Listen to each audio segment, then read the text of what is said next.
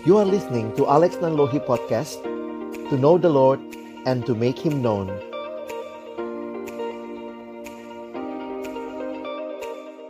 Malam Sorry ya, ada Iya, ada iya, masalah, masalah koneksi, koneksi, ya. sinyal, Tapi senang ya bisa live lagi. Iya, bisa balik lagi. Mm, Syukur bisa dan balik. eh, koneksinya mudah-mudahan udah lebih stabil ya. Iya. Nah, kita lagi bahas tentang apa nih, Dek? Iya, tadi kita lagi bahas tuh eh, tentang eh, apa namanya orang-orang yang Mhm. atau mungkin bukan orang-orang lah ya kondisi ataupun juga eh, beberapa lah ya yang Iya. kita tahu eh, merasa bahwa kalau punya pacar tuh bahagia. Hmm. Kita lagi pengen eh, kita yang ngebahas itu tadi. Kita lagi eh, eh, ngebahas tentang bagaimana apakah memang eh, punya pacar itu eh, bahagia. Oke. Dan dan aku tadi bilang ya bahwa memang sering kali ada pergumulan di mana orang tuh ngerasa tuh bahwa punya pacar itulah segala-galanya. Yes. Nah, Yang sementara satu-satunya kebahagiaan gitu. Iya. Sementara kalau kita bicara pacaran, nah tadi aku aku bilangnya gini ya, kita tidak bisa membuat atau jangan mem- membuat pacaran itu jadi bahagia itu jadi tujuan Mhm, dalam berpacaran. dalam ber- berpacaran karena realitanya kalau kita mau jujur ya namanya relasi itu ada dinamika. Mhm. Aku tidak menyangkali bahwa di dalam berpacaran itu ada rasa bahagia ya.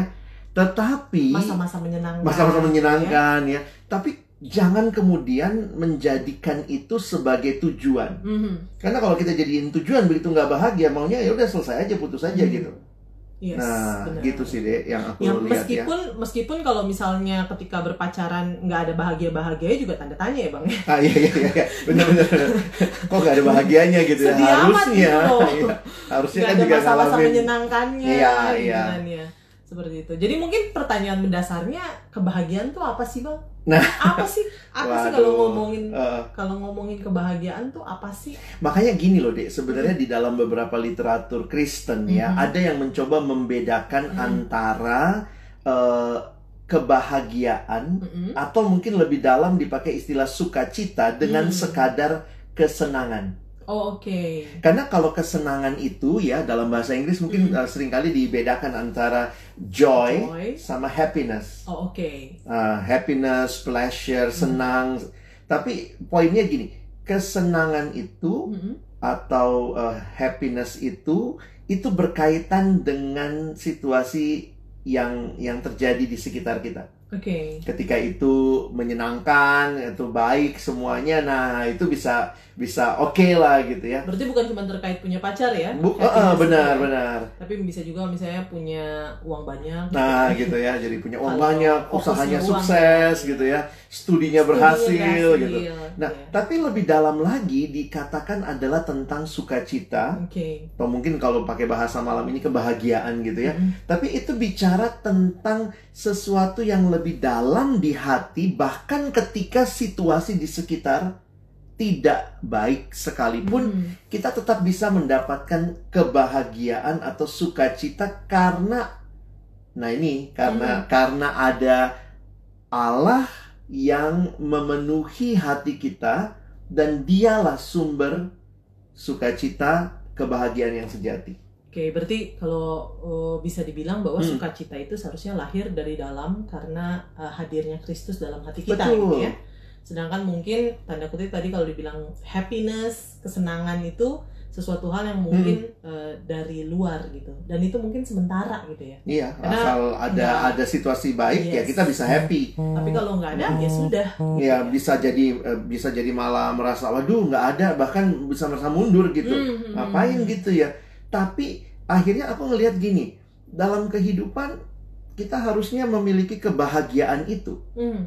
sebagai bagian yang paling mendasar dalam hidup kita. sukacita tadi ya, Sukacita tadi. Kristus ada di dalam hati Betul. kita gitu ya. Ta- Tapi sebenarnya Tuhan sendiri tidak anti sama kesenangan kan bang, atau Iya, happiness itu sendiri ya. Aku pikir Tuhan yang menciptakan eh, rasa bahagia, rasa senang dan Tuhan juga memberikan kepada kita Mhm. ya kesempatan menikmati itu gitu.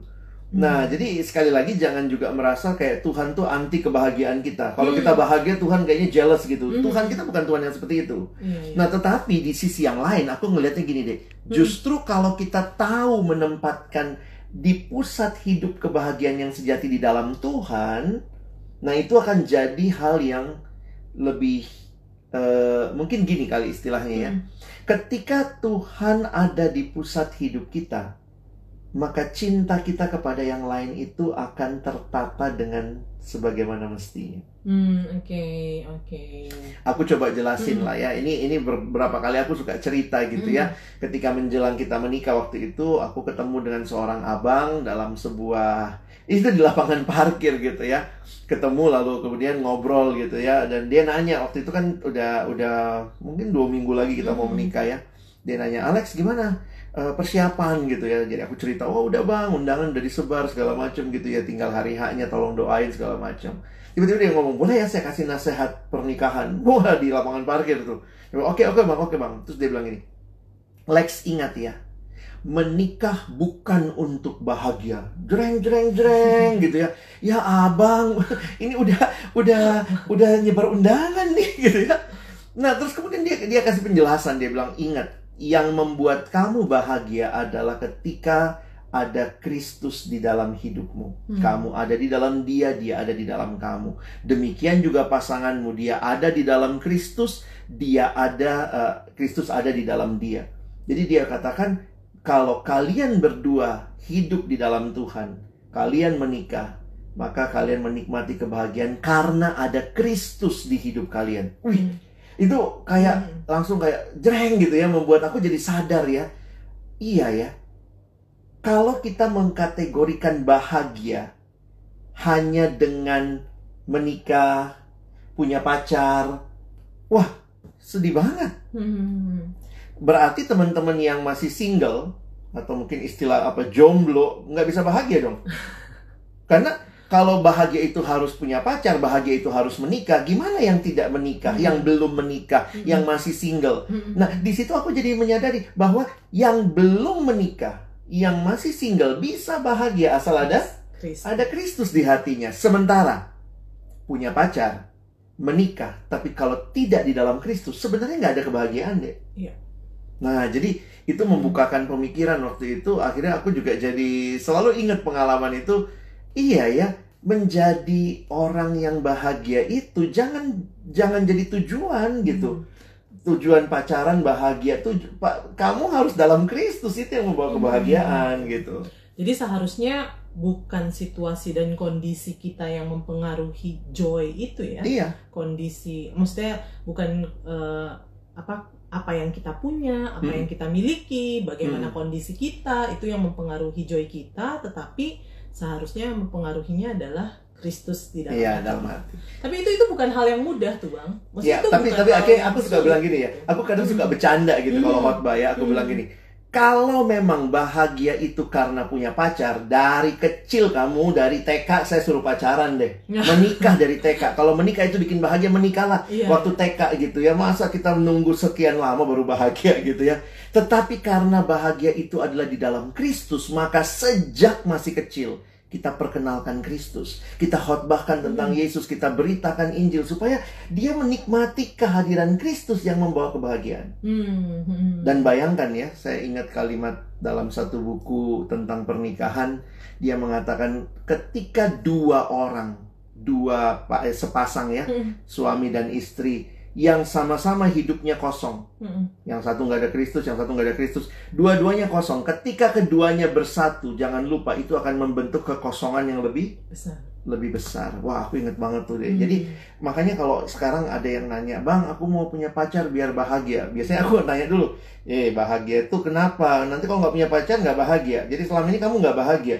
Nah itu itu yang jadi pergumulan. Iya iya iya. Gimana deh? Jadi kalau eh, dipikir-pikir berarti kalau kita kalau kita pengen bahagia, eh kalau kita pengen punya pacar hanya untuk bahagia, Hmm. Tapi ternyata eh, si pacar juga punya pemikiran yang sama, jadi Hmm. makanya nanti ujung-ujungnya saling nuntut kali ya. Betul. Lu gak bahagiain gua, lu yang gak bahagiain gua. Ya itu gitu itu itu itu yang juga kita baca di buku tentang pernikahan Iya. ya itu dari dari kita pakai bah- materinya Tim Timothy Keller waktu itu ya dia mengatakan kalau kamu menjadikan pacar kamu tuntutan kebahagiaanmu dan dia pun menjadikan kamu tuntutan kebahagiaannya mau menikah model apa saling Hmm. menuntut Hmm. gitu dan realitanya manusia tidak bisa memuaskan manusia lainnya. Bahkan suami dan istri tidak akan pernah bisa memuaskan yang Satu dengan se- sepenuhnya Se- begitu ya. sebagaimana Kristus Sebagaimana ya, Kristus yang bisa memuaskan kita. kita. Mm-mm. Iya. Tapi bang tetap tuh kalau eh, kadang-kadang kit- maksudnya kalau aku lagi mikir gitu ya tetap nggak bisa semudah itu ngomong Betul. karena banyak betul. sekali orang di luar sana yang eh, tetap punya eh, tetap ngerasa ah gampang eh, gampang ngomong kayak begitu gampang ngomong di- eh, kalau kamu punya Kristus kamu bahagia tapi Hmm. pada kenyataannya nggak punya pacar tetap nggak bisa bahagia gimana tuh Nah ini nih kita perlu menempatkan dengan benar pacaran itu apa, tujuannya apa, di Hmm. mana posisi pasangan kita, di mana posisi Kristus. Karena kalau itu semua nggak jelas, ya mungkin jadi jadi macam-macam tuh. Nah ini ada nih eh, Duan Duan nanya ya, Bang sekarang ada istilah komitmen tapi nggak pacaran itu gimana Bang? Nah bagi aku sih begini ya, yang banyak yang lebih banyak aku temuin malah Duan kebalikannya gitu. Nikmatin perasaannya, nikmatin perhatiannya tapi nggak mau komitmen. Hmm, hmm, hmm. Jadi bukan cuma nggak ngomong ini nggak pacaran, nggak mau komitmen, tapi menikmati kedekatan. Dan aku sering kali mengatakan gini, hati-hati menikmati kedekatan tanpa komitmen, karena itu akan cenderung menyakitkan. Nah ini juga kalau dikatakan komitmen, kita komitmen saling memperhatikan, tapi kita bukan pacar. Loh, kalau satu waktu dia tiba-tiba perhatiin orang lain, kamu nggak bisa nuntut dong. Hmm. Makanya itu cenderung menyakitkan. Hmm, hmm, hmm, hmm. Jadi jangan membangun kedekatan lawan jenis kalau memang tidak ada komitmen yang jelas dan tidak jelas ini apa. Ini lagi mau di mau dibawa ke mana hubungan kita. Iya iya iya iya iya iya. iya. Nah. Jadi ya emang eh, pada akhirnya bukan bukan punya pacarnya yang memberikan kebahagiaan. Iya, iya. Ya meskipun tadi kita juga udah bilang ya bukannya berarti menentang. eh, Iya, betul. Menentang bahwa nggak mungkin eh Dalam pacaran tidak ada, iya tidak ada ke- kebahagiaan, kebahagiaan ya, atau kesenangan. Bu. Iya. Iya, tapi itu bukan tujuan dan memang bukan dari eh, kalau saya mungkin yang aku perlu jelasin gini ya Alide ya. Kita harus sadar Tuhan kita tuh ka- bukan juga Tuhan yang jealous. Karena Hmm. ada yang bilang gini, lu jangan terlalu deket sama pacar lu, nanti Tuhan marah diambil pacarmu. itu Iya, tuh banyak ya. kalimat-kalimat itu gue jadi bingung tuh. Dari mana konsepnya Tuhan kok kayaknya ngambek kayak kita? Ya. Nah, tapi poinnya adalah ketika kita mengasihi Tuhan dengan sepenuh hati kita, maka kasih kita kepada pasangan kita Mhm. itu pasti akan tertata dengan baik. pada tempatnya. Pada tempatnya. ya. Sesuai. eh, Sementara sebaliknya, kalau kita hanya mengasihi pasangan kita, mhm. kita tidak menempatkan Tuhan sebagai yang utama. Seperti yang tadi ya, kita Hmm. cuma nuntut dari pasangan Hmm. kita gitu. Ya kita nggak akan pernah bisa mengasihi dia dengan dengan sempurna juga karena akhirnya kita kasih itu kan memberi, bukannya nuntut. Mhm. Nah itu yang aku pikirin sih deh. Jadi kalau misalnya gitu ya Hmm. ditanya, ya kalau tujuan pak pacaran gak untuk bahagia, terus ngapain pacaran? Oh banyak tujuan pacaran itu di dalamnya kita jadi saling kenal, Hmm. kita jadi saling bertumbuh, kita jadi bisa eh, melihat eh, sisi eh, pengenalan yang lebih luas dan itu sebenarnya adalah proses Tuhan mendewasakan kita juga dan termasuk menyiapkan kita untuk relasi yang lebih serius yaitu Hmm. pernikahan Hmm. gitu. Kamu sendiri ngeliatnya gimana? Iya iya iya. Kalau aku sih secara pribadi ya Hmm. sama lah ya. Bahwa memang ya tujuannya ya untuk saling mengenal, Betul. menikmati eh, punya relasi yang dekat gitu ya, menuju kepada relasi Iya. yang selanjutnya. Dan harus realistis bahwa mungkin iya, di dalam benar. dalam relasi itu kita harus mengalami gesekan mungkin Hmm. Jadi nggak selamanya bahagia. Ayo hari ini aku akan bawa kamu ke bulan. Kan percakapan-percakapan di dalam berpacaran itu sebenarnya bukan hanya hal itu. Hmm, hmm, hmm. Ya, aku ngelihat beberapa orang berpikir pacaran untuk bahagia karena dia rasanya nonton drama yang kayaknya kalau udah pacaran ada yang nemenin, ada yang eh, sekedar setiap kali mengisi kesepiannya. Tapi kan ada saat-saatnya pasangan kita nggak bisa ada buat kita. Yes, benar. Kalau dia jadi sumber kebahagiaan kita waktu dia nggak ada buat kita, saya berhenti bahagia. Nah, karena itulah aku jadi menyadari gitu ya, bahwa relasi dengan Tuhan itu bukan basa-basi. Hmm. Karena hanya Tuhanlah yang tidak pernah tidak ada. Yes, Wah, itu selalu ada ya. itu buatku yang penting sih untuk kita pikirin. Iya iya iya. Tadi aku jadi kepikir begini sih Hmm. bang. Eh, mungkin eh, jadinya ketika eh, kebahagiaan menjadi tujuan berpacaran Hmm. itu gitu ya, yang, eh, aku bahagia Mm-mm. itu makanya mungkin banyak yang kemudian ngerasa bahwa ah gue udah nggak punya rasa sama dia gitu ya. Ah, oke. itu akhirnya oke. kayak ah gue nggak punya rasa udahlah kalau gitu apa Dan diakhirin rasa saja. rasa yang dia sedang definisikan sebenarnya kan cuma rasa bahagia. Gua kok lagi nggak ngalamin bahagia sama dia gitu. Kayak apa ya? Hmm. eh, datar gitu kayak Datar, nggak ada iya, iya, percikan-percikan bunga api mungkin dalam hati ya atau eh, rasa-rasa menggelitik eh, apa namanya? Menggelitik diri gitu kali ya. Itu gimana tuh bang? Ada juga soalnya beberapa yang mungkin nanya kak kalau misalnya udah nggak ada rasa itu gimana? Apa lebih baik putus? Atau eh, kayak gimana? Nah, kita harus membingkai pacaran kita itu dulu dengan tujuan yang benar. hmm. Kalau tujuan pacaran jelas untuk pernikahan, maka sebenarnya kan tidak segampang itu kita bicara putus. Mhm. Apalagi kalau kita jelas memulai relasi itu dengan doa, Hmm. kita sama-sama bergumul, lalu komunitas juga mungkin tahu. Hmm. Jadi menurutku ketika kita bicara masalah rasa, itu hanya salah satu dari beberapa hal yang penting di dalam relasi. Hmm. Nah, mungkin yang aku harus garis bawahi yang gue agak takutin sekarang itu yang rasa itu dianggap satu-satunya Hmm. barometer untuk menentukan masalah pacaran ini lanjut atau tidak. Padahal menurutku ya memang tentu ya perasaan itu punya bagian. yes ada dong Ada dong ya masa nggak punya rasa Nggak sama ada. sekali Iya. gitu ya. Tapi juga ada di situ ada karakter, Mhm. Di situ ada komitmen, di situ ada eh, relasi dengan Tuhan yang menurutku kita harus bisa menempatkannya dengan tepat Mhm. gitu sih deh. terus Mm-mm. jadi kepikir juga sih jadi kalau misalnya misalnya gitu ya Mm-mm. eh, banyak kan ya sekarang Mm. ini eh, apa namanya nggak punya rasa nih ngerasa ah gue nggak dideketin lah sama seseorang Mm. tapi ngerasa gue nggak punya rasa sama dia Ah, itu gimana tuh ini cinta itu nggak ada teorinya sih deh. Emang ya? Jadi paling tidak begini menurutku ya. Kalau ada yang merasa belum punya rasa, wes, Hmm. mari ya kalau kita anak Tuhan gitu ya, orang Kristen, mari kita coba hargai orang yang menyatakan perasaan dulu deh. Itu dulu deh. Hmm. Kita hargai. Nah, dengan menghargainya salah satu aku pikir mari juga kita terbuka. Aku nggak bilang pasti harus ya, Oke. tapi belajar terbuka Hmm. untuk masuk dalam pergumulan itu, dalam doa dan seterusnya. Mana tahu di situ juga Tuhan bisa menyatakan sesuatu. Hmm. Baik baik yang Tuhan nyatakan, "Yo, please go on" sama dia atau juga Tuhan menolong kamu untuk melihat eh, ini hal-hal yang harus kamu lebih pikirkan, lebih dalami. Menurutku itu itu itu akan jadi lebih baik. Sehingga kalaupun akhirnya kita bilang sorry, kita nggak lanjut atau maaf saya jawabnya tidak, tapi kita telah belajar ikut Menghargai. menghargai dan menggumulkan di Yes. hadapan Tuhan. Hmm. Karena aku melihat sih ya dalam beberapa cerita, karena ini sekali lagi nggak ada teorinya ya. Hmm. Beberapa teman awalnya nggak ada rasa, yes ada yang sampai ditolak dua kali, tiga kali deh. Tapi karena yang satu konsisten, dia yakin, dia maju. Yang satu bilang, gue nggak punya rasa. Maju lagi, gue nggak punya rasa. Waktu dia maju lagi, ah gue doain deh. Eh waktu dia doain, dia dapet gitu dari Tuhan. Karena terbangun rasanya terbangun Ah, ya karena ternyata di balik itu waktu dia cerita ya, bang, gue ngeliat nih orang karakternya baik. Hmm. Jadi poinnya begini. Nah ini teman-teman bisa pro dan kontra setuju gak Hmm. setuju. Rasa itu bisa dibangun. Hmm.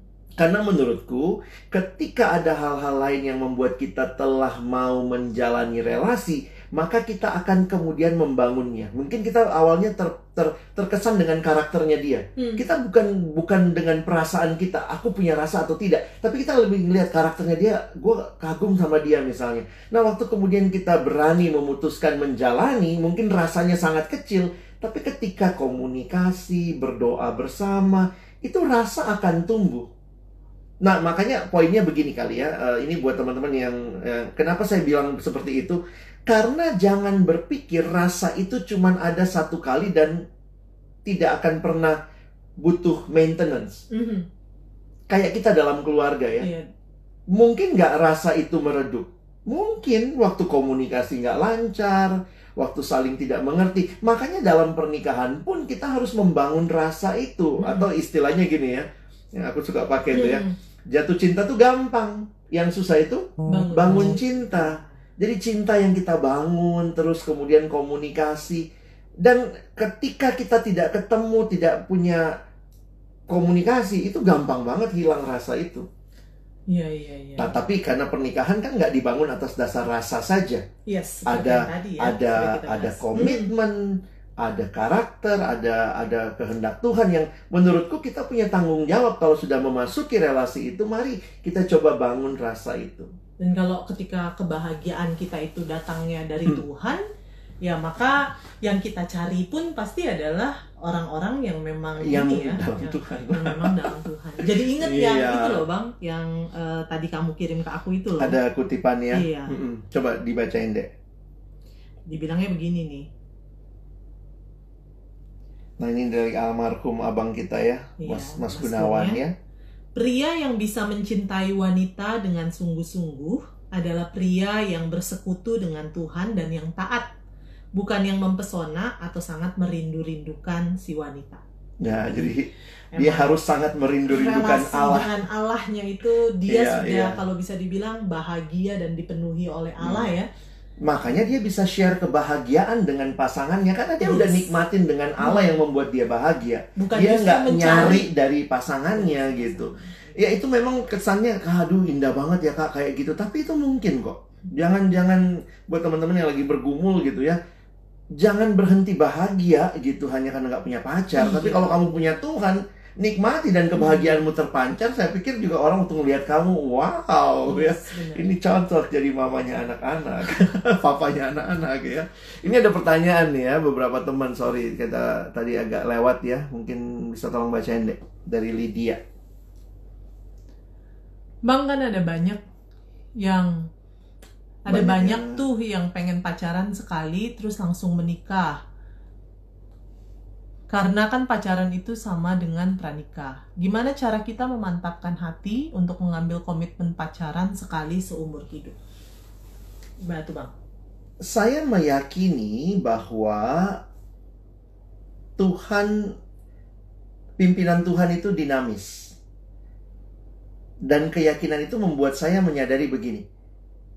Sebelum menikah, pacaran itu masih mungkin putus. Tentu kalau kita bingkai itu dengan tujuan pernikahan, kita nggak akan segampang itu Iya. bilang putus. Sembarangan juga Ah, gitu. Tapi- sembarangan cari juga ya. Nggak sembarang cari, nggak sembarang bilang putus, tapi bukan berarti nggak mungkin putus. Iya. Karena masih pacaran. Mm-mm. Jadi nik- miliki kerinduan seperti Lydia ini nih ya, bahwa saya maunya pacaran dan menikah dengan orang ini. Tapi juga jangan ter- tertekan dengan eh, harus sekali pacaran lalu akan menikah dengan dia. Kalau ternyata setelah kamu menjalani pacaran dengan dia, mungkin dia kasar, Iya, Dia dalam nggak- prosesnya dalam jadi kelihatan prosesnya gitu ya. kelihatan Oh, aslinya. ini toh dia Maka- karakternya begini nggak cocok dengan Mm-mm. saya. Jangan sampai tertekan juga ya. I- ya nanti malu aku kan kayaknya Iya. mau sekali pacar itulah suami atau istriku Hmm. kita mesti terbuka bahwa proses pengenalan dalam pacaran itu yang akan nanti menentukan juga apakah memang kita lanjut atau tidak kalau tidak nggak apa-apa emang Hmm. kenapa juga kalau misalnya pernah punya pacar sebelumnya nggak nggak Asal- dosa juga kan Asalkan bukan ini ya, asalkan bukan ya punya pacar karena Pelarian. emang bukan punya pacar karena emang eh, memang suka aja player gitu. oh iya maksudnya jadi Sekali kayak sebulan playboy ganti. playgirl gitu ya jadi eh, Dua kali sebulan ganti, tiga kali sebulan. saya ganti. harus katakan harus saya hati-hati. saya eh, senang dengan prinsipnya Lydia bahwa kita harusnya punya pacar untuk menikah tapi kemudian proses pacaran harusnya kita realistis untuk melihat benar atau tidak kalau tidak ya jangan tinggalin gitu ya Karena Tuhan juga bisa pakai ya Iya. proses pacaran untuk kita semakin mengenal, Mengenal, semakin betul. tahu oh anak oh, orang ini seperti, seperti apa benar ada satu lagi nih pertanyaan dek silakan dari Vin halo Vin di Poso Bang, gimana misalnya ketika sedang dalam proses saling mendoakan, terus tiba pada perasaan jenuh bosan, itu gimana bang? Pertama, berapa lama sih berdoanya? Ada Iya. batas waktu dong ya sebaiknya dan jangan kelamaan. Karena menurutku juga sebenarnya kan ya harus jujur ya. Ini gimana nih kalau gue ngomong begini takut disalah ngerti. Kamu doain pun itu belum berarti itu final keputusan pasti Pasti yakin. ya. Hmm. Karena menurutku salah satu memastikan itulah pacaran itu. Hmm. Jadi jujur ya, ini uh, saya kasih contoh. Mungkin mirip seperti kasus tadi.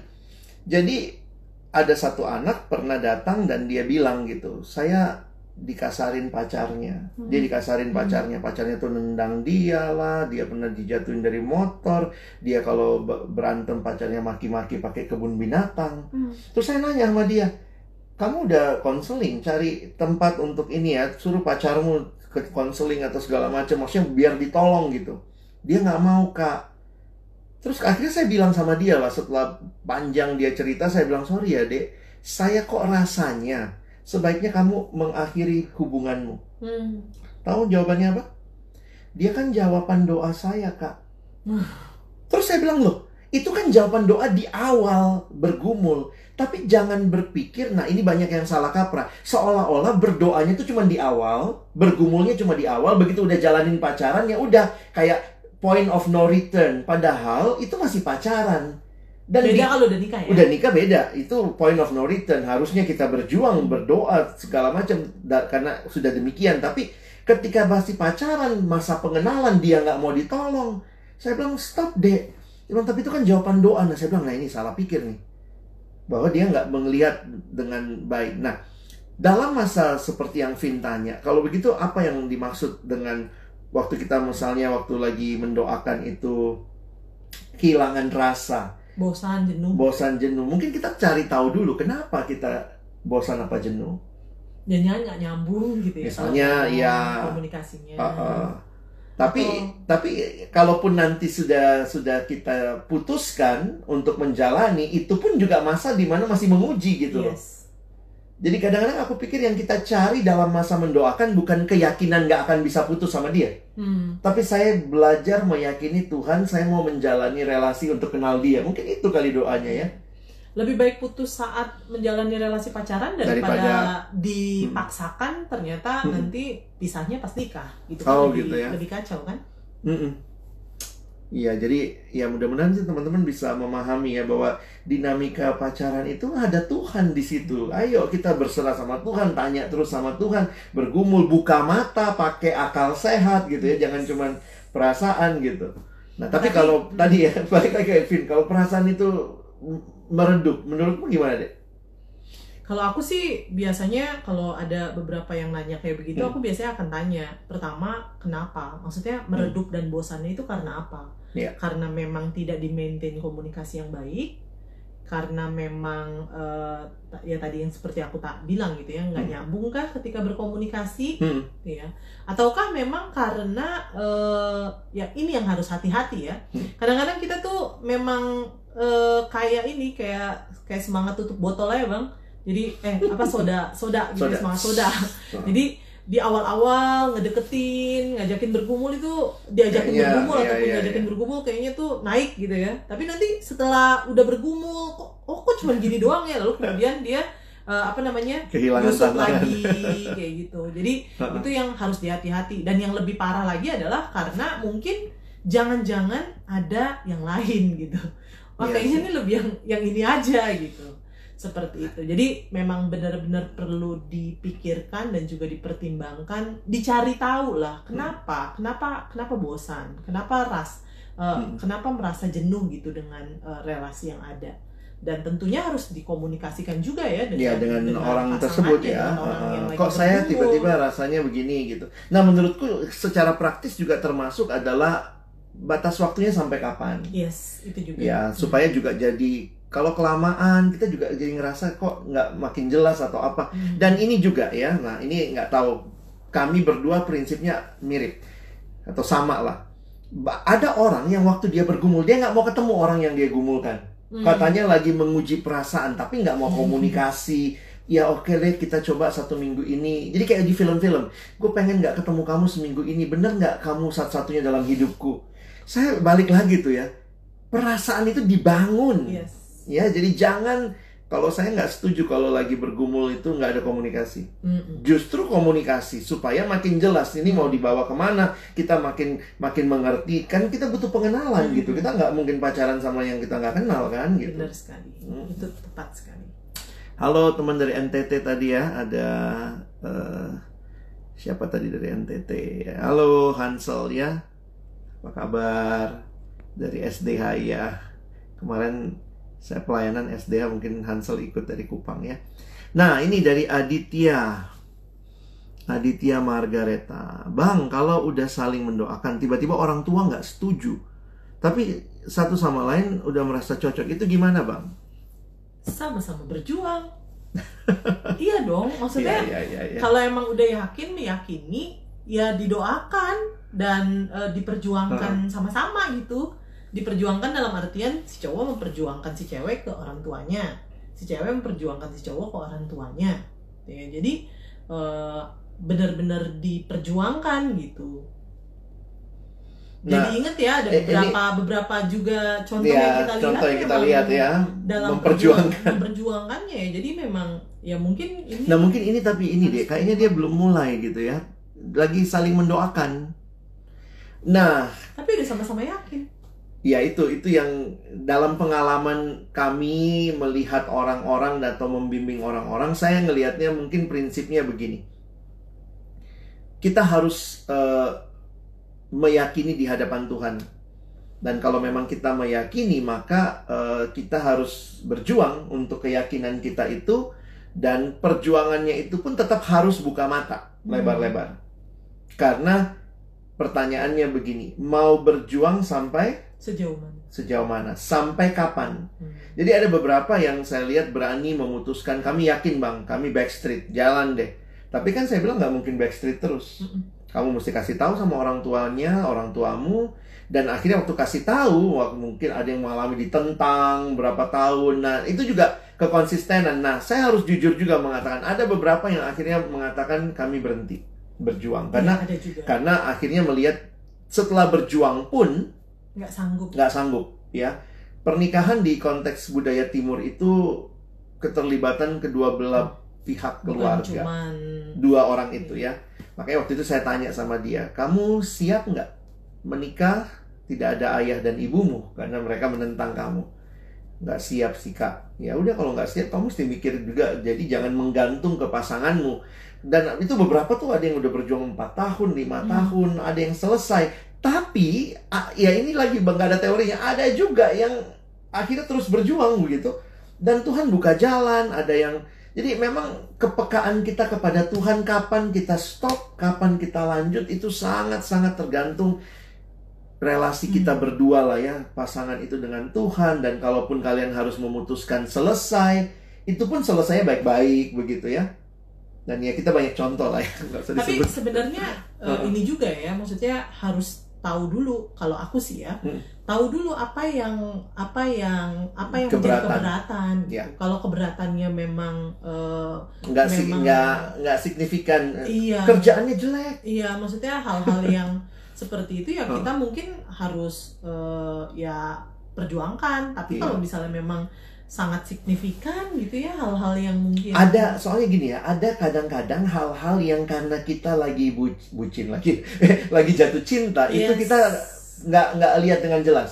Mungkin orang, Orang tua, lain. keluarga, orang lain lihat dengan jelas sehingga mungkin mereka menentang. iya Jadi aku juga pikir bener yang kamu bilang ya, Hmm. kalau ditentang mesti tanya dulu alasannya apa. Nah kalau alasannya ternyata cukup signifikan itu berkaitan dengan karakter karakter, mungkin orang tuamu tua lihat lihat, "Kok jangan gitu, kasar dia. Hmm. Gimana nanti kamu? Jadi Iya. jangan akhirnya kita mesti belajar juga terbuka melihat yes masukan dari dalam orang hal ya. ini sih aku melihatnya coba lihat ya Mm-mm. benar-benar apa yang jadi pertimbangan orang tua Nih, Hansel nanya ya, Bang, maksimal di umur berapa kita boleh berpacaran? Edisi khusus para remaja mencari jati diri. Saya ngelihatnya, saya nggak terlalu rekomendasi anak SMA pacaran ya. Mungkin nanti masuk kuliah aja deh. Kalau saya pribadi. Kenapa? Karena saya cara berpikirnya gini. Pacaran itu bagusnya berapa lama? Enak nggak sih pacaran kelamaan? Nggak enak. Karena secara fisik kita bisa deket tapi belum boleh ngapa-ngapain kan. Sementara kalau kita eh, pacaran kecepatan juga nggak bener dong ya atau menikah gitu. Ka- kapan ketemunya? Oh dua hari lalu.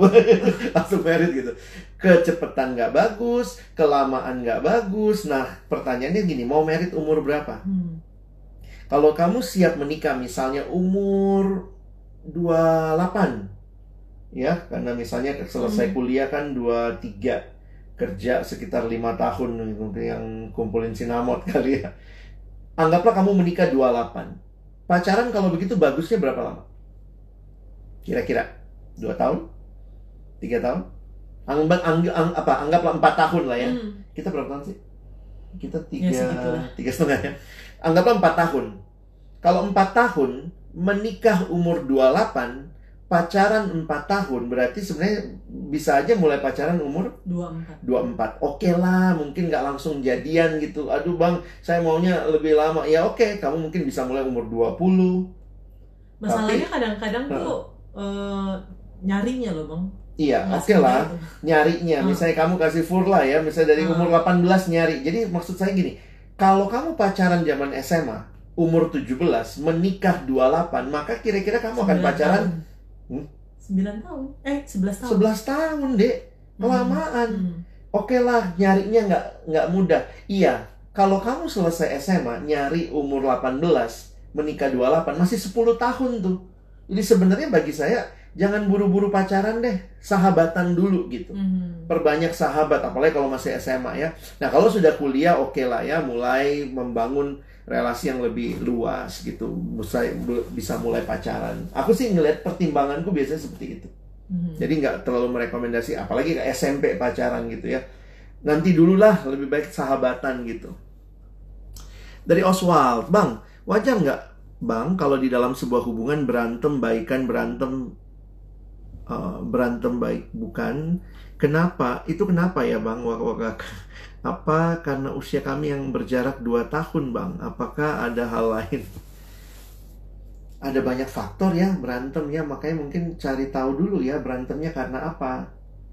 Kalau bicara usia mah kita juga jauh jadi bukan bukan berantem sih Uh, namanya juga relasi ya iya adik kakak aja sering berantem baik Uh, kan uh, uh, uh. cuman masalahnya adalah kalau itu terlalu rutin berantemnya dan yang kedua masalahnya, masalahnya sama. juga sama nggak selesai Itu-itu selesai aja, nggak ada gitu. jalan keluarnya nah Hmm, mungkin itu, kita itu perlu yang perlu dipertanyakan atau kalau misalnya berantem Hmm. baikan itu apa namanya gara-gara ngambek lalu kemudian baikan dan eh, itu terus terulang Hmm. nah itu mungkin juga perlu untuk jadi evaluasi ya di dalam Hmm. eh, relasi.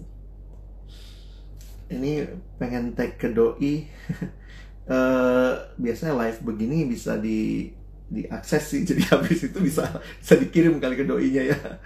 Oke dari Ivan nih ya. Bang kenapa ketika kita menjalin hubungan dengan seorang wanita yang berbeda agama ada apa apa ada yang salah? Padahal si cewek ini udah mau menerima Yesus sebagai Tuhan hubungan beda keyakinan seperti ini harus benar-benar dipertimbangkan.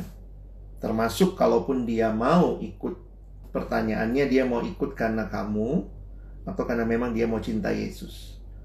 Nah, jadi sebenarnya dalam prinsip yang paling umum ya tidak usahlah untuk uh, mencobai diri ya dengan pacaran dengan yang berbeda keyakinan. Bukan berarti uh, kita menjadi orang yang karena menurut saya gini, bukti ketaatan kita kepada Tuhan adalah kita belajar untuk ikut apa yang Tuhan mau, Hmm. begitu. Jadi ini kalaupun sampai dia mau ikut kepada Tuhan Yesus, jangan kemudian merasa oh kalau gitu nggak apa-apa dong, kita lakukan aja itu supaya lebih banyak orang ikut sama Tuhan Yesus. Bukan demikian. Kita Mhm. tidak melihat itu sebagai prinsip sih. Ya. Dari Betty Sinaga, Bang, bagaimana memutuskan apakah kita terus doakan atau berhenti mendoakan seseorang? Kasusnya ini belum berdoa sama oh belum berdoa sama, masih salah satu pihak yang mendoakan. Jadi misalnya hanya perempuannya yang doa. Hmm. Nah, dia sampai kapan lu harus berdoa? Gimana? Eh, gimana ya? Kalau ditanya sampai kapan? Kalau saya prinsipnya biasanya ya, ini Mhm. biasanya bukan prinsip sih. Ini biasanya kalau ada yang nanya ke aku, Hmm. biasanya aku jawabnya begini. Selama nggak ada yang lain yang kamu lirik, hanya dia, Hmm. maksudnya selama nggak ada lagi gitu ya, maksudnya eh, Memang masih dia masih gitu ya, masih masih dia yang jadi dia. fokusmu gitu. Ya didoakan. Tapi kalau eh, tapi bukan berarti kemudian eh, apa namanya kita juga nggak peka dengan eh, respon ataupun juga dengan ya responnya si orang yang kita doain gitu ya. Jadi harus belajar peka juga dengan respon dari orang yang kita doakan. Apakah dia apa namanya ngera jangan-jangan dia ngerasa sangat-sangat apa namanya apa ya namanya Terganggu. terganggu gitu dengan cara kita. Nah, aku yang aku takutnya begini deh. Banyak yang hanya mendoakan tidak berusaha menjalin relasi. Hmm, Nah, memang agak sulit untuk perempuan ya. Karena kan misalnya gini, kalaupun perempuan itu mendoakan, dia mesti mendoakan sampai kapan? Kalau cowoknya misalnya nggak ngerasa tergerak atau apa. Nah, nggak tahu kalau aku pribadi ngelihat mungkin ada satu langkah yang perlu ditambahkan yaitu setelah mendoakan saat mendoakan. saat mendoakan ya, waktu kita mendoakan perlu berjuang baik dalam doa minta Tuhan pertemukan, beri ko- momen komunikasi, mungkin kita cari tahu dia sedang mendoakan orang lain atau tidak dan kalau memang dia sedang mendoakan orang lain secara etika ya kita berhenti dong. Ya.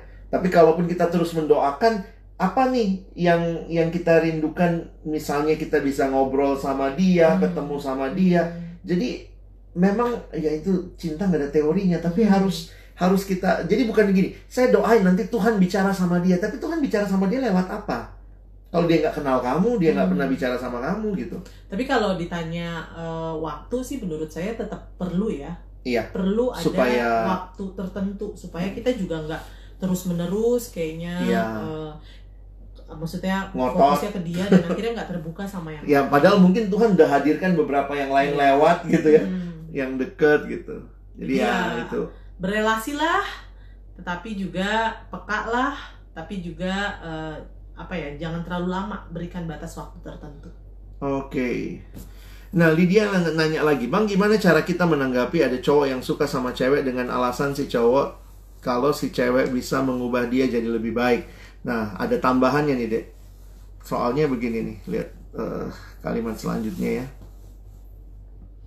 Dengan case si cowok itu, sorry, si cowok itu orang yang suka banget mainin Mainin. cewek kali ya? Ba cowok bahkan setiap pacarnya itu pernah ditidurinya bang. Mainin cewek bang maksudnya. Oh. Hal-hal seperti ini sih kita harus Yang pasti- tegas ya. pasti yang pasti adalah hmm, kita pacaran itu eh, jang gimana ya? Jangan jangan menjadi eh jangan berelasi karena karena saya bisa ngubah dia atau Iya. dia bisa ngubah saya. Yang Bukan- bisa bukan. ngubah kita adalah Kristus. Hmm. gitu ya. Jadi eh, saya membuat eh, saya membuat dia jadi lebih baik. Dia membuat saya jadi lebih baik. Jangan jangan seperti itu. Maksudnya Hmm. relasi itu seharusnya tidak eh, tujuannya juga bukan untuk bukan bukan hal seperti itu. Yes ingat kita ini sedang mencari teman eh, untuk menjalani perjalanan hidup ke depan Hmm. gitu ya. Bukan mencari eh, apa namanya bukan mencari seseorang dalam artian yang tanda kutip bisa memperbaiki hidupmu. Be- pasti kehadiran orang itu kalau dia betul sayang sama kita cinta sama kita akan mendukung perubahan kita yes. Tapi jangan kemudian menjadikan dialah sumber perubahanmu. Karena Hmm. begitu misalnya dia mengecewakan kamu bisa jadi lebih buruk. Mm-mm. kamu bisa jadi ah biasanya ada yang begitu ya. "Eh, aku tuh pingin eh, ikut Tuhan karena pacarku. Nah begitu pacarnya misalnya melakukan sesuatu yang nggak tepat ah ikut Tuhan aja Iya, begitu. Nah benar. jadi kadang-kadang aku pikir ya memang karena kita menjadikan yang tidak tepat sebagai sumber kita baik Hmm. sumber kebahagiaan sumber perubahan hidup kita makanya teman-teman saya harus katakan begini ke pertumbuhan pribadimu, relasi pribadimu dengan Tuhan, sebenarnya itu yang akan menolong relasimu dengan pasanganmu. Dan kalau itu tidak terbangun dengan Tuhan, maka jangan mimpi juga terbangun dengan pasanganmu, karena dengan Tuhan aja kamu nggak bangun kok gitu ya. Jadi itu mungkin yang perlu kita ingat. Dari Ivano, Ivan Roy, sorry, Ivan Roy Marciano. Bang, kenapa ketika kita menerima Yesus sebagai Tuhan dan Juru Selamat hidup kita, semakin banyak cobaan? sama yang kayak abang bilang waktu hari Jumat di KKR siswa. Sebenarnya Van begini ya, saya nggak ngeliat. Jadi bukan bukan berarti ikut Tuhan kok jadi lebih banyak uh, pencobaan. Tapi mungkin begini cara lihatnya lebih positif. Ketika kita mau taat sama Tuhan, makin banyak hal yang selama ini kita senangi ternyata itu mendukakan hati Tuhan.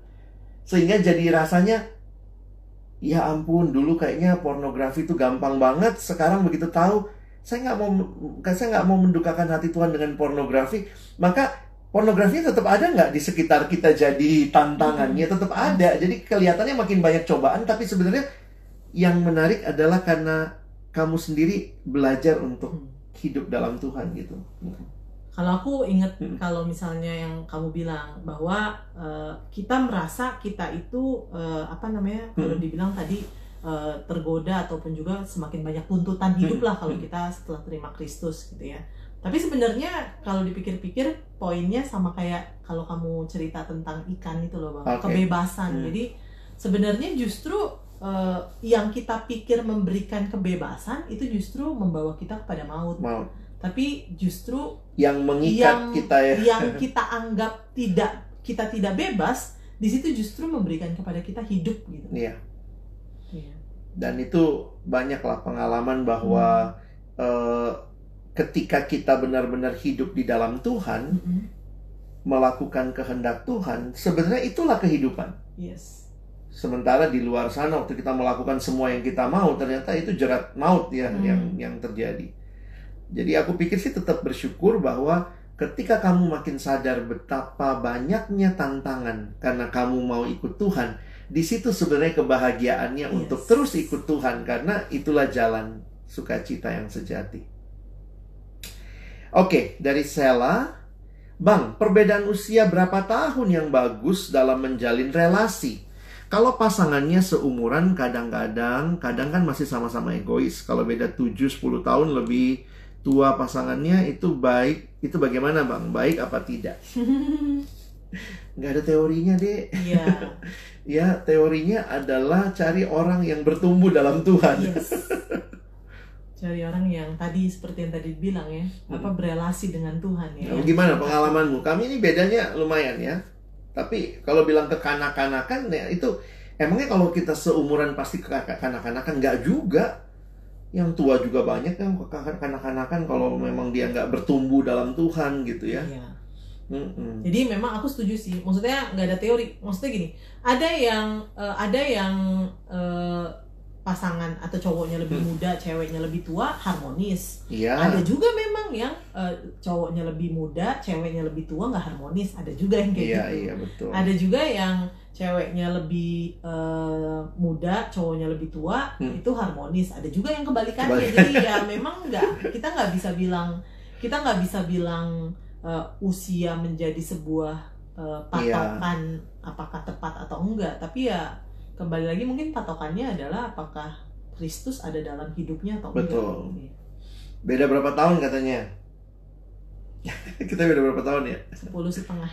Sepuluh setengah. Saya lebih tua 10 tahun. Bukannya dia lebih tua 10 tahun ya? Kelihatan kok mukanya. Nah itu pengalaman kami dalam uh, jadi memang ini ya ketika kasih itu ada jadi saya belajar memahami uh, istri belajar memahami saya waktu pacaran juga kita tahu kita beda 10 tahun itu kan lumayan deh. Mm-hmm. Musik yang dia dengar saya nggak tahu, musik yang saya tahu dia nggak tahu gitu. Tapi kan akhirnya bukan masalah musiknya beda selera, beda apa. Tapi ada Tuhan gitu dan mm-hmm. itu jauh lebih indah dari segalanya dan bukan berarti kami nggak ada pergumulan ya iya. tentang perbedaan kami lewatin tapi waktu lewatin di situ ada ada pengampunan di situ ada kasih yang melimpah di situ ada nasihat hmm. ada teguran dan itu bagi kita karena ada Tuhan tuh iya. bukan karena umur yang sama hmm. umur yang sama kalau nggak dalam Tuhan ya berantem berantem aja gitu nggak ada iya. pengampunan gitu ya dari teman kita Kevin mungkin ya Kevin Purwa antara cinta atau komitmen menurut abang dan kakak mana yang lebih penting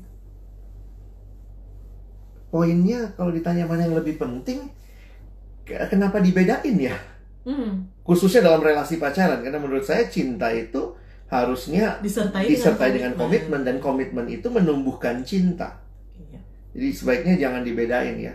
Karena balik lagi, banyak yang sok memisahkan gitu. Saya cuma mau komitmen eh, Saya cuma mau eh, cintanya, semua cintanya nggak mau komitmen. Cuman seneng Hmm. kedekatan, rasa sayang, diperhatiin. Tapi sebenarnya kamu nggak siap untuk menyatakan ini apa nih. Kalau Hmm. sahabat bilang sahabat. Kalau pacaran maka bikin komitmen supaya dia nggak buka cabang, kamu nggak buka cabang gitu. Dan kalau nggak ada komitmen, dia bisa dong jadian sama siapa aja. Hmm. Kan sama kamu nggak nggak ada apa-apa gitu. Nah itu ya. Baik. Eh, Oke. Bang, bagaimana menanggapi pemikiran yang idealis di dalam keadaan yang mengharuskan bersifat bersikap realistis? Terima kasih Bang Alex. Dari Michael ya. Jujur saya nggak terlalu paham apa yang dimaksud dengan idealis sama realistis. Cuma begini, ada ada kalimat dia mengatakan begini, dalam memilih teman hidup, lebih baik yang tidak sempurna orangnya, tapi ada Hmm. daripada kita cari yang sempurna tapi nggak pernah ada orang kayak gitu. Itu idealis sama realistis kali ya. Jadi poinnya adalah tidak ada pacar yang sempurna. Yes. Nggak ada tuh. Yang sempurna itu cuma Tuhan ya. Makanya Carinya yang Carinya cinta Tuhan. yang cinta Tuhan. Jadi kamu bisa realistis melihat ketidaksempurnaannya. Di situ ada pengampunan. Benar. Mungkin kapan-kapan kita harus ngomong gitu ya. Gimana tuh sebenarnya dalam relasi itu benar-benar kita menerapkan kasih deh. Itu yang kadang-kadang banyak orang yang cuma seneng romantismenya tapi dia lupa bahwa di dalam menjalin relasi itu ada gesekan, ada tangisan Karena karena mungkin dalam masa sekarang yang ditampilkan eh, ya. enggak, kasih itu disamakan dengan romantisme. Jadi Oh, romantisme itu adalah iya, iya, jadi iya. kayak ya kalau lu cinta sama gue lu romantis dong sama gue. Padahal kalau lu cinta sama gue waktu waktu ada salah satu yang mungkin melakukan kesalahan, siapa yang minta maaf duluan? Hmm. Siapa yang mengampuni? Nah itu jarang dibicarain kali ya. Seharusnya.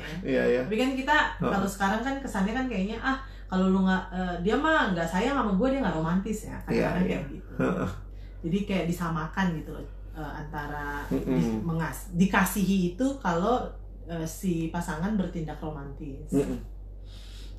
Cinta ada komitmen di dalamnya kalau setauku iya sih ya eh, Daniel Arianto ya Eh, intimacy passion commitment mungkin taruh komitmen duluan kali ya hati-hati bangun bangun kedekatan kalau nggak ada komitmen aku sangat takut sih itu nggak ada pacar yang sempurna adanya judul lagu ya Fred Freddy iya jadi mungkin ya kalau kita coba ambil benang merah dari pembahasan malam ini kira-kira apa tuh dek Ya yang pasti kalau ditanya punya pacar itu sama dengan bahagia, ya tentunya eh, kebahagiaan hanyalah berasal dari Kristus Mm. yang hadir di dalam hati dan Hati juga kita. kehidupan Mm. kita. Tapi bukan berarti tidak ada hal-hal yang menyenangkan di dalam Mm. kita menjalin relasi berpacaran. Hmm. Justru kalau nggak ada hal yang menyenangkan, berpacaran hanya dapatnya sedihnya doang, ya itu tanda tanya besar juga Iya, gitu iya, ya. iya. Uh, Tuhan nggak pernah uh, apa namanya nggak pernah uh, melarang untuk kita menikmati ya, uh, Mbak. rasa relasi, senang, ya. rasa sukacita ya, relasi. excitement ya. tetapi poinnya adalah itu hanya bisa didapatkan kalau kita sudah Hmm. menikmati uh, kebahagiaan yang sejati di dalam, Dalam Kristus. Kristus. Tapi itu nggak cuma terbatas sama pacaran kali ya. Iya, Tapi juga dalam relasi-relasi hal-hal yang lain. yang lain ya, betul. Kayak misalnya kita dengan orang tua kita, Hmm. kita juga gampang sekali memberhalakan orang tua Hmm. seperti memberhalakan pacar. Dialah sumber kebahagiaanku, dialah tentu kita sayang, sayang banget ya, tapi kemudian jangan jadikan berhala. Maksudnya jangan jadi berhala tuh gimana tuh bang? Kadang-kadang mungkin itu yang agak-agak susah ya di, di dicerna atau dipahami itu maksudnya Hmm. gimana gitu. boleh nggak aku ngomong ini lah ya lebih jujur aja bahwa banyak kali kita sayang sama orang tua kita tapi kita kemudian taat buta. Nah itu bagiku sudah menjadikannya sebagai berhala. Hmm, padahal kalau dalam firman dibilangnya gimana tuh bang? Taatilah orang Hormatilah. tuamu di dalam, dalam Tuhan. Tuhan. Jadi ketika kehendak orang tua sama kehendak Tuhan bertentangan, maka tetap kita harus lebih taat kepada kehendak Tuhan walaupun itu mendukakan orang tua. Iya. Nah mungkin orang suka nanya emang bisa begitu ya? Aku makin belajar firman jadi sadar juga ya. Kita nggak kita boleh loh nggak taat sama orang tua. Wih, boleh ya? Weh boleh. Ketika Sepanjang sepanjang orang tua misalnya tidak taat sama Tuhan, jangan taati. Itu Hmm. jelas di Alkitab taatilah orang tuamu di dalam Tuhan. Jadi misalnya nih ya, orang tua kayak waktu kita masih kecil kadang-kadang gitu ya, nanti eh, bilang papa nggak ada ya, kalau ada yang telepon bilang papa nggak ada, sebenarnya kan kita boleh nggak taat. Itu kan disuruh bohong. Iya. Walaupun konsekuensinya adalah nggak ada dapat uang Iya. jajan, dimarahin. Tapi nah dalam realitanya banyak anak yang saking sayangnya sama orang tua, orang tua dalam ketidakmengertian mereka, jelas ya. Orang tua juga manusia berdosa, tidak selamanya sempurna. Kadang-kadang orang tua berpikir gini, nak biar kau bahagia, menikahlah nak, biar kau bahagia. Papa mama gimana nggak lama lagi hidup, biar lihat kau bahagia. Menikahlah sama dia, dia kaya. Terus kita mesti taat. Hmm. Jangan-jangan waktu kita taat, karena ada yang bilang gini, aku nggak bisa bang lihat mamaku nangis. Jadi waktu dia Hmm. suruh aku menikah sama orang itu, walaupun aku nggak kenal, aku nggak ada rasa, tapi aku taati. Loh, kamu memberhalakan orang tua secara nggak sadar. Karena ada orang tuamu pun dalam mungkin ketidakmengertiannya, keterbatasannya, keberdosaannya, hanya melihat anaknya bahagia kalau ada harta. Eh, Kalau ada pasangan. ada pasangan habis menikah berantem dua minggu tinggalin rumah itu kan jadi bagi aku iya ya kita harusnya lebih taat sama Tuhan pakai prinsipnya Tuhan cari orang yang bertumbuh dalam Tuhan Iya. jadi walaupun orang tua bilang ini anak nah tapi kan ada juga yang orang tua baik ya dan ternyata yang diperkenalkan orang yang baik ya nggak kenapa nggak juga gitu kan Poinnya pengenalan kita Mm-mm. akan si uh, pasangan itu dan kita tahu dia cinta Tuhan. Uh, Mm-mm. Jadi itu menarik ya. Oke, Freddy nih, romantisme itu hanya bisa dibangun ketika kita sadar betapa pentingnya dia di hadapan Tuhan. Yes, wong Tuhan aja kejar kita ketika dia masih berdosa sama seperti kejar kita. Oke, thank you. Nah, nanti Ivan nih ya, Ivan bilangnya apa? Bang, ketakutan itu kan bukan berasal dari Tuhan, tapi kenapa dalam situasi ini banyak orang yang mengalami ketakutan? Apakah ini permainan iblis yang sedang menggoyangkan iman orang percaya? Em, ada banyak situasi dalam kehidupan yang saya pikir kalau kita mau jujur itu bisa ba- banyak hal. Aku juga sadar ya ada ketakutan karena kondisi, karena apa gitu ya. Tetapi ketakutan yang membuat kita nggak percaya kepada Tuhan, saya pikir itu yang mungkin harus kita waspadai menjadi permainannya si iblis ya. Iya. Jadi ketak tapi di Mazmur nanti nanti kapan-kapan kita bahas ya. Tapi di Mazmur ada juga banyak ketakutan yang pemazmur bawa kepada Tuhan. Jadi poinnya adalah begini. Jujur dengan ketakutan kita. Iya. Tapi kemudian ber, apa keluar dari ketakutan itu datang kepada Tuhan. Makanya di dalam Mazmur bahkan pemazmur jujur loh dia ngomong, "Waktu aku ini takut, aku ini percaya kepadamu." Jadi takut itu sebenarnya reaksi wajar dalam menghadapi pergumulan hidup. Mm-mm. Tetapi ketika kita takut dan tidak berserah kepada Tuhan, jangan-jangan itu bisa dipakai jadi tipuan iblis untuk kita yang selalu meragukan Tuhan, Iya. meragukan kebenaran Tuhan, kebaikan Tuhan gitu ya. Sebenarnya mungkin respon atas ketakutannya. Iya. Oke. Wah ada Errol sama Aaron Mamanya pasti yang mainnya Atau bapaknya Dari Freddy tadi Kita boleh nggak taat sama orang tua ketika ada yang mereka utarakan bertentangan dengan kehendak Tuhan. Iya itu itu prinsipnya ya. Saya sa- makin yakin Kalau yang orang tua sampaikan sesuai kehendak Tuhan Taatlah. Kadang-kadang kita juga suka nggak taat Walaupun udah sesuai kehendak Tuhan.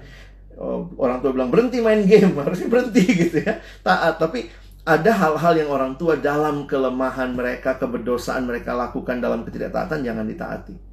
Saya suka kasih contoh ekstrim. Saya tiba-tiba kita sayang banget sama mama kita, papa kita terus pas pulang mama kita bilang, "Ayo nak, kita bunuh anak tetangga." Masa mesti taat? gitu ya. Jangan jangan sih. jangan taat yang buta gitu ya. Oke. banget. Dari Vivi, Kak, tips hubungan pacaran jarak jauh gimana dong, Kak? Komunikasi. Komunikasi sih, Dek. Siapin pulsa lah.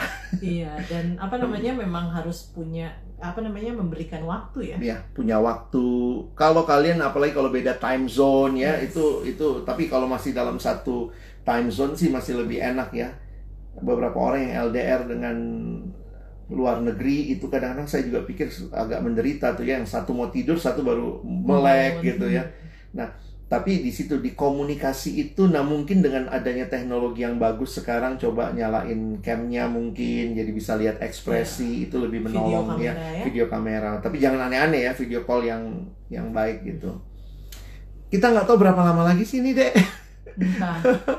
Jadi kalau tiba-tiba nanti harus putus teman-teman eh, ini ya. Kita Ada. tadi mulai jam berapa karena apa? Iya, sempat keputus tadi ya. Dari Stefani, Kak, gimana tanggapannya tentang pacaran yang beda agama tapi sudah berlanjut lama? Saya harus katakan untuk yang pergumulan beda agama, teman-teman harus belajar untuk melihat pimpinan Tuhan, termasuk dalam ketaatan. Karena beberapa kali saya melihatnya begini. Kalau memang putus itu sakit, pasti sakit. Tapi ini cuma masalah putus sekarang atau putus nanti. Jadi cuma masalah sakitnya sekarang apa nanti. Dan dalam ketaatan kadang-kadang saya pikir memang harus ada harga yang harus kita bayar. Tentu kalian yang sudah jalanin, kalian yang harus lihat evaluasi hubunganmu. Ini seperti apa dan kalau jelas tidak taat dalam Tuhan, ya udah harus diselesaikan. Menurut saya sih begitu ya. Iya, nggak ada kompromi sih ya kalau Iya. hal itu ya mau udah berlanjut lama kayak mau Iya. Mau baru baru mulai. Eh, karena baru nampaknya di mulai. di balik pertanyaan itu adalah sakit kak, sakit kak. Nah, saya suka pakai ilustrasi ini. Sama kalau kita nanam tanaman, makin dalam akarnya itu pasti ketika dicabut makin banyak tanah yang terkuak. Hmm. Jadi kalau kamu takut sakit, sebenarnya jangan pernah memulai. Kenapa Hmm. kamu takut sakit kalau tahu misalnya nggak bisa lanjut ya? Tapi makin lama, makin dalam akarnya nanti dicabut makin sakit. Jadi sebenarnya ini cuma masalah yang saya bilang tadi. Mau sakit sekarang apa sakit nanti? Karena ketidaktaatan itu ya memang nggak enak gitu ya. Aduh, aku jadi kangen banget denger khotbah Alex di Perkantas dan di KBD. Iya, Van. Nanti bisa bisa lihat di Spotify juga, ikut di YouTube gitu ya. Ada beberapa khotbah yang saya taruh di situ dan juga di Instagram ya. Keingetan aja kan ada teman main namanya Time Zone ya dan eh, dari Miki, Bang Alex, ya biasanya kami save ya. Jadi habis ini semoga masih bisa diakses. Saya nggak tahu yang tadi soalnya sempat keputus di awal ya. Hmm. Jadi thank you. Mudah-mudahan sih ini jadi berkat buat teman-teman baik yang mungkin sedang berpikir memulai relasi maupun yang Sedang sedang, menjalani. begitu ya. Em, ya belajarlah untuk melihat kehadiran Tuhan itu penting buat hidup kita. Di situlah kita akan menikmati juga eh, Kebahagiaan. kebahagiaan sejati dipimpin Tuhan gitu. Oke. Kak Alex, Freddy ya, bagaimana mengerti pimpinan Tuhan dalam cinta dua orang yang sekarang bertobat padahal dulu dalam pacarannya dalam pacarannya ketemu di diskotik MBA tapi sekarang melayani Tuhan. Dalam Kristus ada Dalam pengampunan Kristus ya. ada pengampunan, ada pemulihan dan ingat gitu ya. Saya selalu ingat begini. Yang sudah lewat tidak bisa diperbaiki. Sehingga mungkin sikap kita terhadap yang sudah lalu, mungkin kesalahan, pergumulan, berdamai. Ya. Yang bisa diperbaiki itu yang ke depan. Hmm. Dan yang menarik di dalam Tuhan selalu ada permulaan yang baru. Ya, jadi bukan cuma di pom bensin ya, mulai dari nol ya Pak. Tapi dalam Tuhan pun mulai dari uh, hidup yang baru itu bukan hidup yang seolah-olah tidak ada yang lama ya. Memori itu mungkin masih ada, tapi kita berdamai karena apa? Kristus sudah mengampuni, kita pun harus jangan hidup dalam kesalahan, Hmm. jangan menghukum diri sendiri gitu ya. Tapi hiduplah dalam kebenaran dan hidup maju terus dan belajar untuk tidak mengulangi kesalahan. Belajar juga untuk menyaksikan kasih setia Tuhan karena mungkin juga ada orang-orang yang gagal seperti kamu Hmm. yang perlu dengar berita sukacita dari Tuhan ya. Oke, dari Sally dari 2013 sampai sekarang aku suka dengan khotbah Bang Alex. Thank you deh.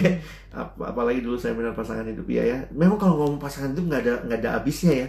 Kadang-kadang kami kalau mau live bingung mau ngomong apa, tapi ada aja gitu ya teman-teman bertanya, kami jadi jadi ingat lagi. Halo Prey, makasih Bang, sungguh menguatkan sama-sama deh.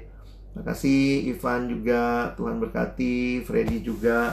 Oke, mungkin kita selesai dulu Yes. ya. Terima kasih Terima teman-teman. kasih teman-teman. Satu jam sudah hampir teman-teman ya Iya. di malam hari seperti ini. Ayo ayo tidur tidur yang besok mesti kerja. Thank you banget sudah uh, Mengikuti. ikutin dan mungkin kalau jadi berkat juga bisa share ke teman-teman yang lain. kami akan coba cari waktu juga ya. Minggu ini kita bingung banget gitu. Hari apa ya mau live ya? Akhirnya udah. Bulan ini kayaknya agak lagi full. Iya lagi full karena banyak uh, pelayanan Iya. dan memang ya pelayanan online ternyata lebih lebih full gitu ya dari hari biasanya gitu. But thank you teman-teman. Uh, kita doa sebentar ya. Boleh.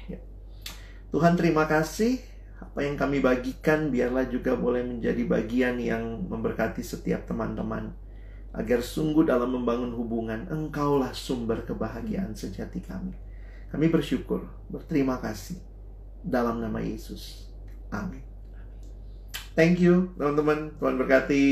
Ya, sama-sama nanti kita coba live lagi ya. Baik teman-teman, selamat malam, selamat istirahat.